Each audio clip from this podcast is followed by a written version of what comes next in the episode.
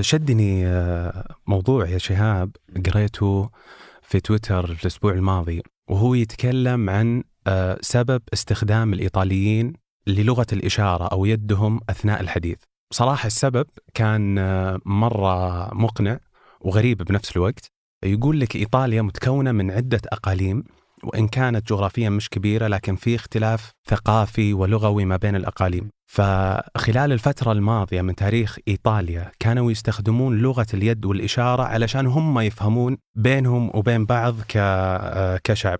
ونلاحظ الآن أنه هذه اللغة وهذه الطريقة آه، في حديثهم استمرت إلى اليوم. فأنت ممكن لو مسافر لأي مكان في العالم آه، تقدر تفرز الإيطالي على طول من نظرة يس من خلال أقول لك على حاجة أنا مرة جربتها فعلا. آه، كان كان كنت في زيارة قبل كده في, في إيطاليا وبتكلم معاهم. يعني هو بيكلمني بالإيطالي وأنا بكلمه بالإنجليزي تمام؟ وسبحان الله إحنا فاهمين بعض. إيه، هنا تيجي لغة آه، الإشارة افتكرت دلوقتي إن هو فعلا بيتكلم بإيده كتير وبيشاور بإيده كتير أيوة. فيمكن فهمت من من الإشارة مش باللغة أكيد أكيد أكيد.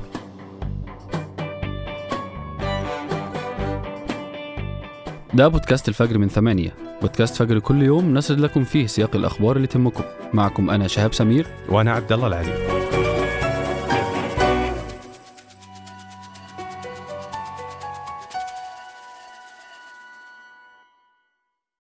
قهوة الصباح وأجود محاصيل البن المختص تلاقيها في خطوة جمل.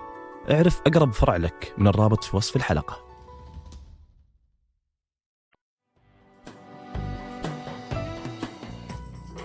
قبل كم يوم أعلن صندوق الاستثمارات العام السعودي أنه استثمر 265 مليون دولار في شركة VSPO الصينية وهي شركة متخصصة بقطاع الرياضات الإلكترونية. الصفقة قادتها مجموعة Savvy المتخصصة في الألعاب الإلكترونية وهي مجموعة تابعة لصندوق الاستثمارات العامة السعودي وتعتبر الصفقة هذه أكبر استثمار مباشر من مؤسسة بقطاع الألعاب الإلكترونية. وهذا طبعا بحسب ما ذكرته الشركة الصينية. وراح تستخدم VSPO هالتمويل للاستثمار في تقنية جديدة ويتوقع أنه يتم إغلاق الصفقة خلال الأشهر الجاية. وجتها الصفقة بعد أيام من رفع صندوق الاستثمارات العامة نسبة مساهمته ل 8% في شركة نينتندو اليابانية للألعاب. وبهذه الخطوة صار الصندوق أكبر مساهم في شركة نينتندو اليابانية. فحصة الصندوق صارت أكبر من حصة صندوق استثمار التقاعد الياباني وهذا طبعا بحسب بلومبرج عموما راح يساعد هالاستثمار في تطوير شركة الألعاب الرياضية من جهة وتسريع تنفيذ استراتيجية السعودية بقطاع الألعاب الإلكترونية من جهة ثانية وتعكس هالخطوات اهتمام السعودية بقطاع الألعاب الإلكترونية لكن ليش تتجه السعودية للاستثمار في الألعاب الإلكترونية وشركات الجيمنج؟ وكم هو حجم هذا القطاع على مستوى العالم؟ بدأت السعودية الاستثمار في قطاع الألعاب الإلكترونية بالسنوات الأخيرة وتهدف من هذه الخطوة أنها تتحول لمركز عالمي للألعاب الإلكترونية بنهاية عام 2030 وحتى تحقق هالشيء أعلنت خلال السنتين الماضية عن مجموعة خطوات من بينها إطلاق مجموعة سافي للألعاب الإلكترونية اللي تعتبر الذراع الاستثماري لصندوق الاستثمارات العامة السعودي في قطاع الألعاب الإلكترونية. كان هذا طبعا في يناير للعام 2022 واللي من أهدافها أنها تكون مجموعة رائدة في تطوير الألعاب والرياضات الإلكترونية سواء على الصعيد المحلي أو الدولي. وتعزيز العوائد من هذه الصناعات محليا واستقطاب مهارات وخبرات عالمية للسعودية. فبعد إطلاقها بفترة قصيرة أعلنت مجموعة سافي عن إجراءات وخطوات عملية ثانية. منها إعلان خطة لضخ 142 مليار ريال أي ما يعادل 38 مليار دولار تقريبا في قطاع الألعاب الإلكترونية حتى عام 2030 وأيضا التوجه للاستحواذ على شركات عالمية بقطاع الألعاب الإلكترونية. وفعلا استحوذت مجموعة سافي بوقت مبكر من السنة الماضية على شركة ESL وهي شركة عالمية متخصصة في قطاع الفعاليات الترفيهية والمنافسات في مجال الرياضات الإلكترونية.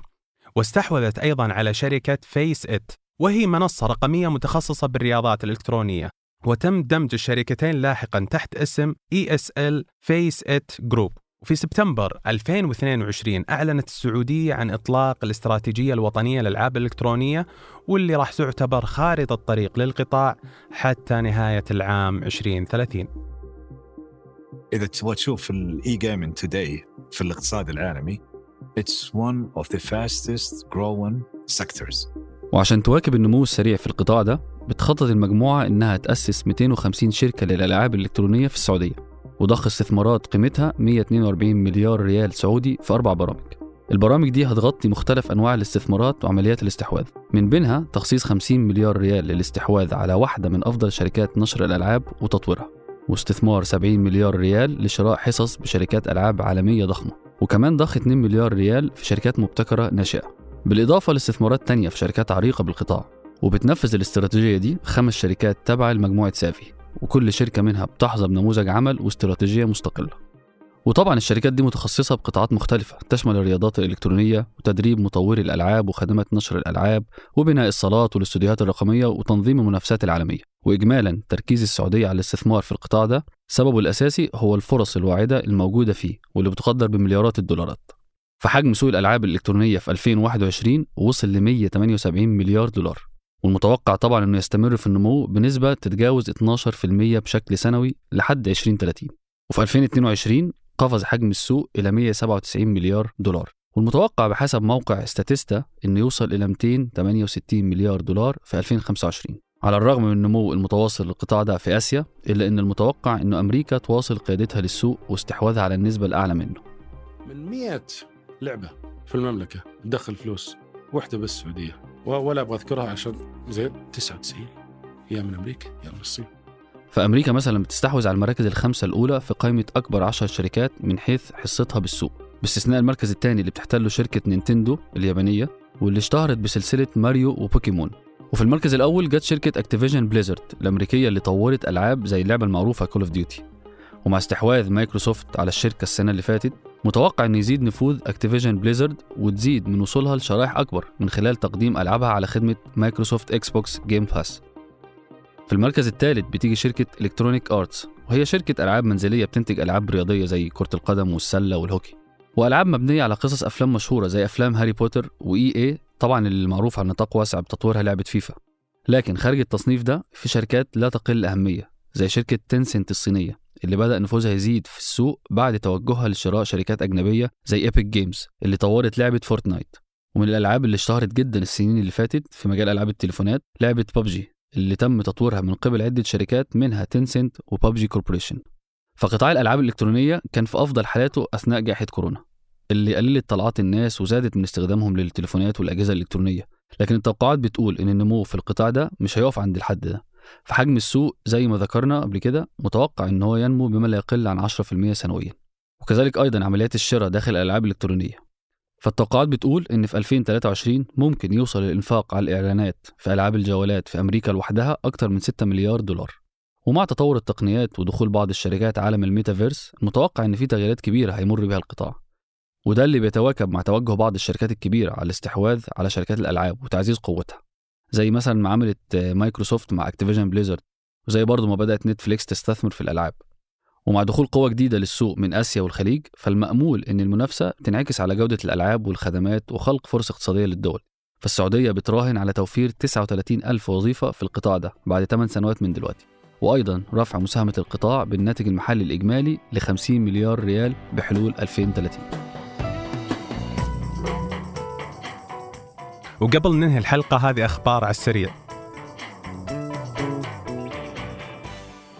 في زيارة سرية توجه جو بايدن أمس إلى أوكرانيا والتقى بالرئيس الأوكراني فلاديمير زيلينسكي. وأعلن بايدن من العاصمة كييف أن أمريكا راح تضخ المزيد من الأسلحة لدعم أوكرانيا في حربها مع روسيا. وتجي زيارة بايدن المفاجئة في وقت تستعد فيه أوكرانيا لما تعتقد أنه راح يكون هجوم روسي كبير. وبرضو قبل أيام من الذكرى الأولى للحرب بين روسيا وأوكرانيا اللي بدت في 24 من فبراير العام الماضي.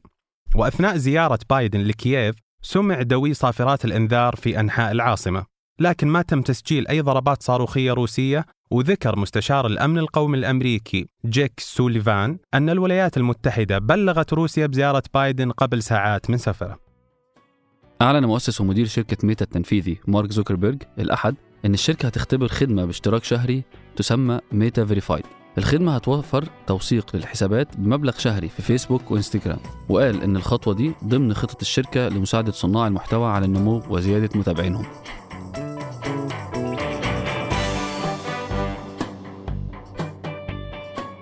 أنتج هذه الحلقة تركي البلوشي وفيصل جابر وقدمتها أنا شهاب سمير وأنا عبد الله العلي.